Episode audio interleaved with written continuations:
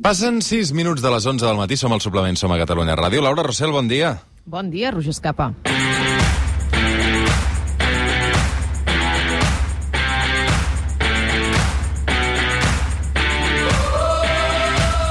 I és que avui a la Laura Rossell no la tenim a l'estudi de Catalunya Ràdio. Laura, on ets? Doncs mira, sóc a l'antiga fàbrica d'AM. Ah, veig que vas molt abrigada per això, eh? Perquè heu penjat una Com- foto... com ho a veus, com ho veus? Perquè a tot arreu, Heu Roger penjat una, una foto a les xarxes socials amb la teva convidada i veig Home, que... estic aquí, estem aquí passant fred per tu, Roger, que ho Ah, molt bé, molt bé, fantàstic. Tot bé, Laura? Sí, molt bé. A- Avui, És des d'aquesta antiga fàbrica eh, d'AM, on es fa el Sant Jordi de Nadal, de Ah. Nadal, no? Un Sant Jordi avançat. Això mateix, Sant Jordi de Nadal, sisena edició ja d'aquest Sant Jordi de Nadal. És una trobada literària perquè sempre diem que Sant Jordi és la festa més bonica de l'any, doncs per què tenir-la només un dia? Aprofitant aquesta falera que tenim per les setmanes prèvies de festes de Nadal, s'organitza aquesta festa, aquest esdeveniment, és un dia i mig amb activitats de tot tipus al voltant dels llibres i dels autors, es fan xerrades, es fan signatures, es fan concerts, i avui el que farem és aprofitar per fer una entrevista al voltant d'un llibre, d'una de les novetats editorials d'aquesta tardor, que si vols de seguida presento. Fantàstic, som-hi.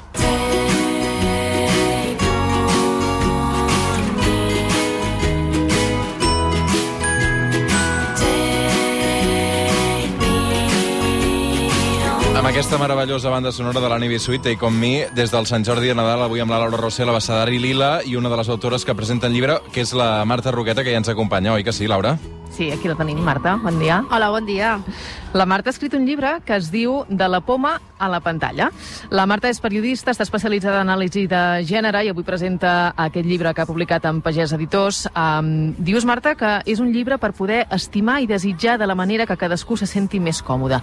No, no hauríem de ser mm, sempre sentir-nos còmodes estimant i desitjant a la gent? Quin, quin problema tenim amb això? Doncs, uh, doncs en aquest llibre, no, la, la conclusió a la que arribo i que precisament m'hi va fer arribar un periodista, el Toni Mata de Rajo 7, és que uh, contra les, la, la, les imatges opressores que ens han donat de l'amor, el més revolucionari és estimar, no? I una mica parteixo de la idea de que hem, uh, la nostra societat ha romantitzat l'amor i, i, la, i fins i tot el misteri al voltant de l'amor i això que és un, que és un sentiment meravellós no? i això ha fet que eh, s'hagi aprofitat aquest desconeixement per anar orientant a les persones cap a una sèrie de, de sistemes de poder no? per reforçar una sèrie de jerarquies de, de raça, de gènere, d'heterosexualitat de certes monogàmies eh, malenteses, no? doncs una mica la idea és, eh, tenint en compte que cadascú pot establir connexions eh, romàntiques amb una o diverses persones, doncs a veure, eh, descobrir tots aquests impediments que ens han posat al sistema per eh, arribar a estimar com veritablement desitgem. Clar, és aquest mite de l'amor romàntic, no? Que, que ara estem aprenent a desxifrar i, i a saber què, què és el que comporta. Tu, per, per explicar tot això, uh, passes molt per la primera persona. Expliques Sí. molt uh, situacions teves. Dius, per exemple, com has deixat de creure en l'home de la teva vida per passar a creure en les persones de la teva vida. És molt diferent. Sí, això parteix d'una idea no, de la Carrie Jenkins, que, que és una filòsofa que faig servir molt al llarg del llibre, i ella explica que, que a l'amor romàntic eh, l'hem l'hem posat per sobre no, de la resta, i a més a més fins al punt que hem creat que sembla que només puguem articular una sèrie de coses, com per exemple el suport emocional o la idea de formar comunitats i formar famílies no? que vagin més enllà de, de la filiació més, més sanguínia doncs amb una sola persona. No? Pensem en tots els avantatges eh, fiscals o que tenen no? o, o el predomini o el reconeixement legal que només tenen les unions entre, entre dues persones no? a nivell de matrimoni. Llavors una mica la, la meva idea era, era doncs, doncs trencar això no? I, i anar doncs, doncs, eh, entenent que hi ha moltes persones a la nostra vida i sobretot en el cas de les dones que sempre se'ns ha dit no? eh, que l'amor doncs, era la nostra meta eh, en una relació. Això també ho dius, eh? L'amor no és el final del camí. Sembla que a les pel·lícules i Disney i els llibres, no? quan trobes l'amor de la teva vida, aquest home de la teva vida, ja s'acaba la història, no? I, I tu dius precisament això, no, és que no és la meta, l'amor. No, clar, és, uh, a mi m'agrada molt, no? tant Bell Hoops com Carrie Jenkins, quan diuen que l'amor és una pràctica. És a dir, uh, elles diuen que, per exemple, és la qüestió del menjar i la gastronomia. No? És a dir, nosaltres, el, el, la, la idea de menjar, l'impuls de menjar el tenen moltes persones, però la forma de menjar és diferent. No? I la idea aquesta de l'amor, com, com un ens que ens cau, precisament va en contra d'això. No? Mm. Uh, no ens ensenyen a què passa després a les pel·lícules. Una vegada has tingut, has aconseguit aquell amor, perquè ja ens diuen que això és el súmum de la felicitat, quan en realitat no ho és, no? Llavors, a mi aquesta idea d'amor com a pràctica, és a dir, a partir d'una connexió significativa, anar aprofundint en, en el tipus de relació que, que es vulgui, no? sigui esporàdica, siguin més persones, sigui perdurable, no?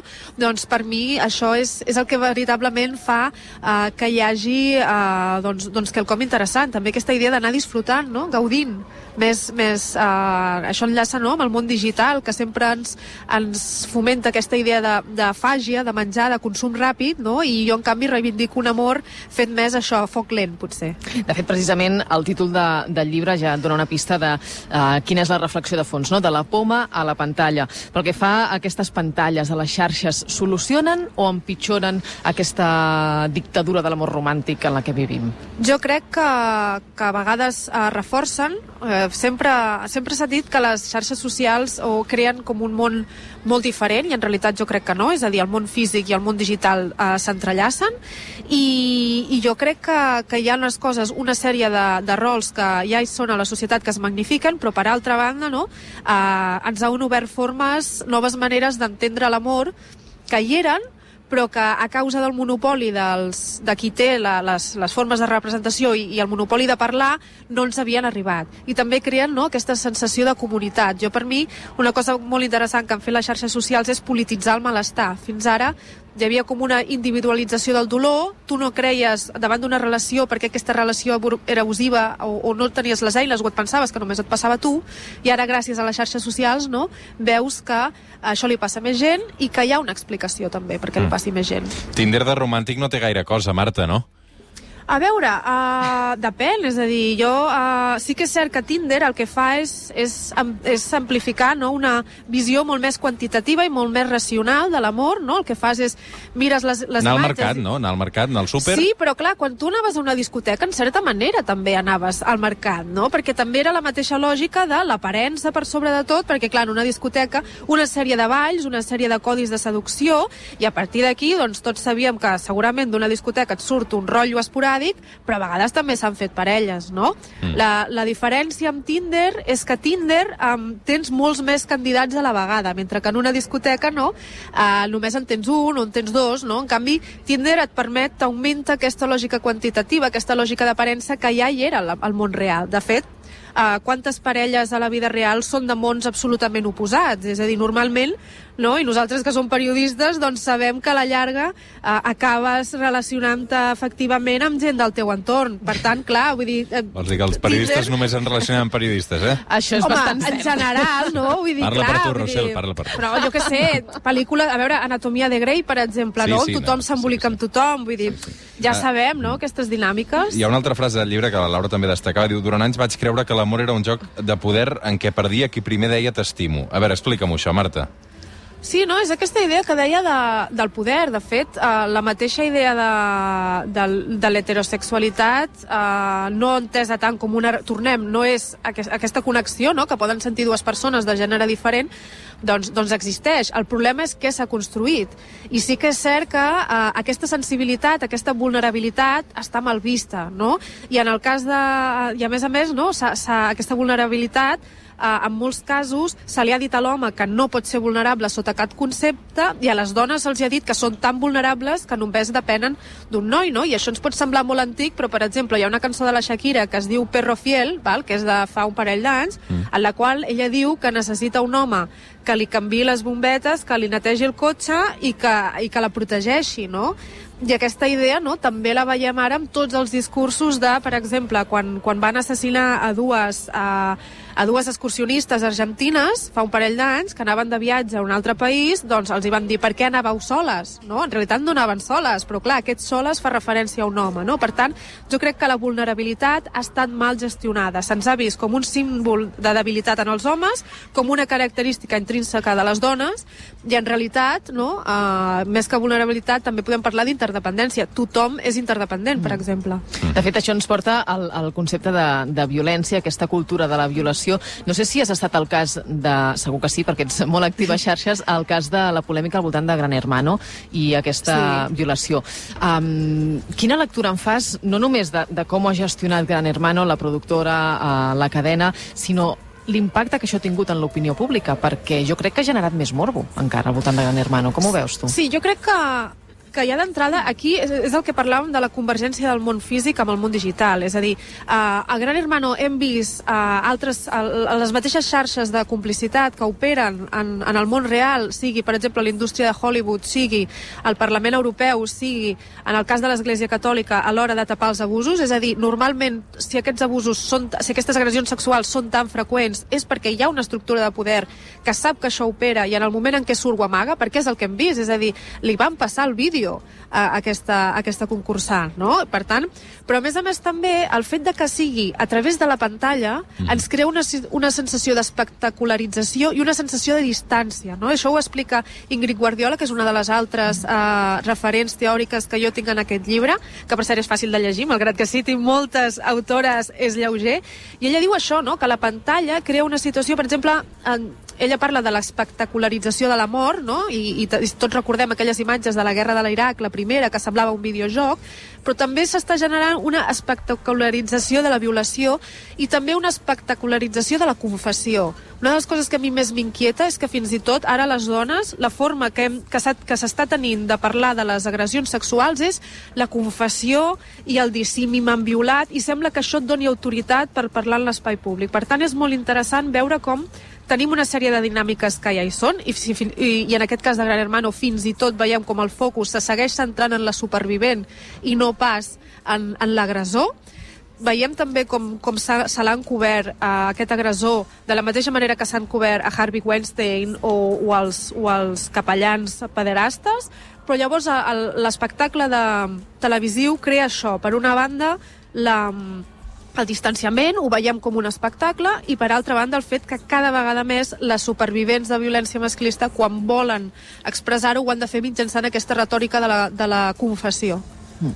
De fet, la violència i la cultura de, de la violació té una nova etapa, podríem dir ara, amb les xarxes socials, a través dels dispositius eh, mòbils. Tu fas una frase, dius, eh, que et sembla desconcertant com la violència masclista eh, sobreviu via dispositius mòbils. Eh, per què et desconcerta? És perquè la, les xarxes socials i, a, i el món digital el que fan és, és uh, difondre molt més massivament i a la vegada fer-ho d'una forma. És, és, és interessant perquè és immediat però, immediat, però a la vegada és perpetu. Llavors, nosaltres el que ens trobem és que hi ha violències que només passen en el món digital, com per exemple que els deepfakes, és a dir, uh, bàsicament és agafar uh, pel·lícules porno i posar-li la cara d'una famosa a sobre, Val? Això és una violència exclusivament digital, però el que veiem és una continuïtat de les violències que es produeixen a l'espai físic a l'espai digital. Per exemple, el cas dels violadors en grup dels Sant Fermins, mm. ells van gravar la violació en grup, per tant l'estaven produint en el món físic, la van gravar, la van difondre en el grup de WhatsApp de la manada i posteriorment, quan es va jutjar el cas, eh, Foro Cotxes i Burbuja Info van difondre les dades de la supervivent de la manada. Per tant, el que veiem no, és que una violència que apareix en el món físic es perpetua eh, en el món digital i això és molt més difícil de controlar. I, uh, Roger, perdona, si, digues, digues. si fixes la Marta fa servir una paraula, diu supervivent de la sí, violència, sí. no diu víctima. Mm -hmm. sí. sí, sí, ho vam començar a fer servir també. El, jo crec que també el, els mitjans, mica en mica, anem canviant el llenguatge, no? Uh, I també responsabilitat nostra.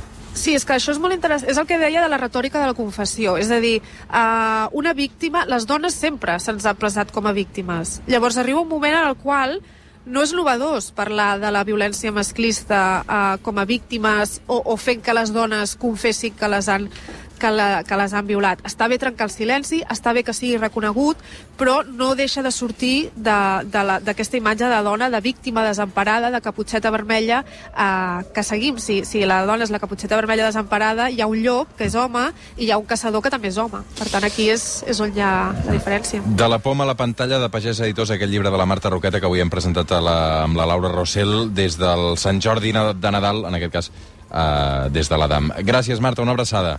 Una abraçada.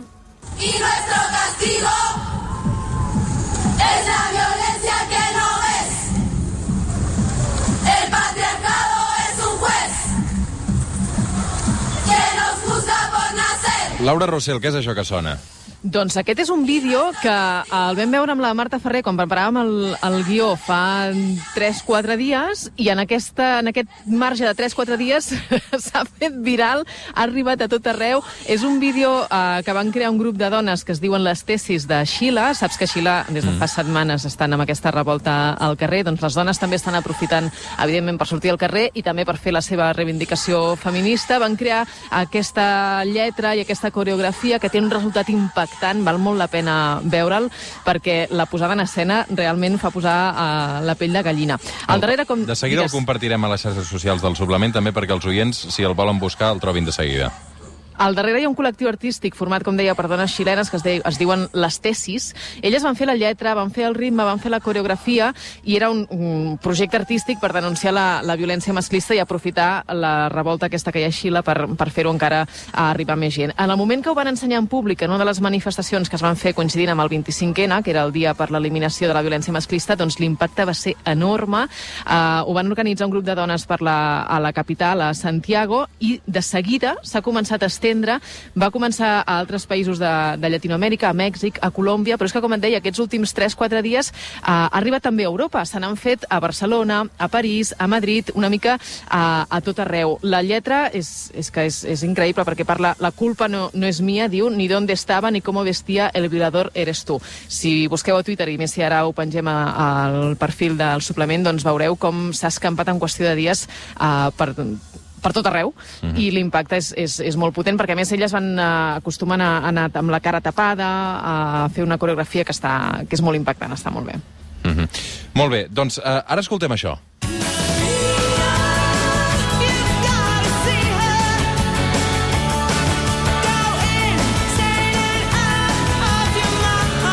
Això és, de, és, és per una enhorabona, no, Laura?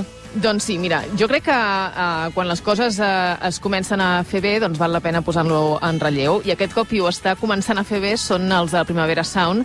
Per primer cop el festival de música, podríem dir que més important del país, presenta un cartell amb una claparadora majoria de dones. De fet, aquesta setmana, fa només dos dies, s'han anunciat els primers 11 noms de la Primavera Sound 2020. M de Maria del Mar Bonet és un dels grans reclams, també, eh? doncs I això sí. és trencador, també, el Primavera. Home, jo crec que és la bomba de, del cartell. Però no només és la Maria del Mar Bonet, el Primavera Sound fa una aposta decidida pel talent femení amb noms que podríem dir de traca. Alguns els coneixem, d'altres no, i els hem hagut d'anar a buscar a buscar referències, perquè la cultura musical de cadascú, doncs, escolta'm, arriba on arriba, però per això està també als programadors de, dels uh, festivals per ajudar-nos a tenir una miqueta més de, de coneixement.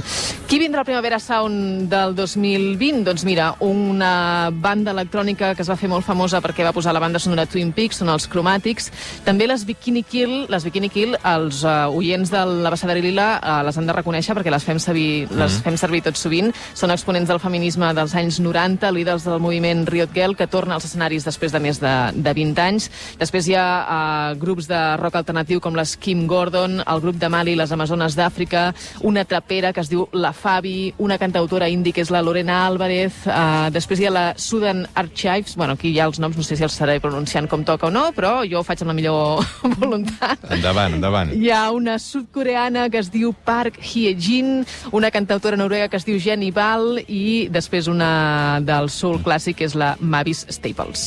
Doncs aquest és el reclam del Primavera Sound amb també eh, cognom femení, evidentment.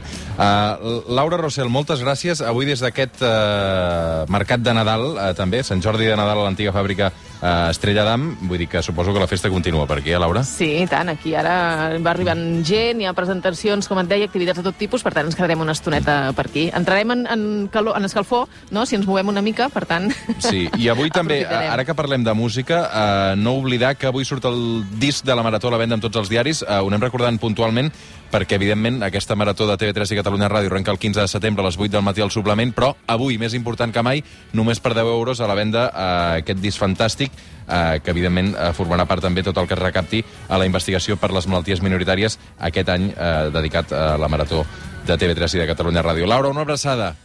A tu, fins ara.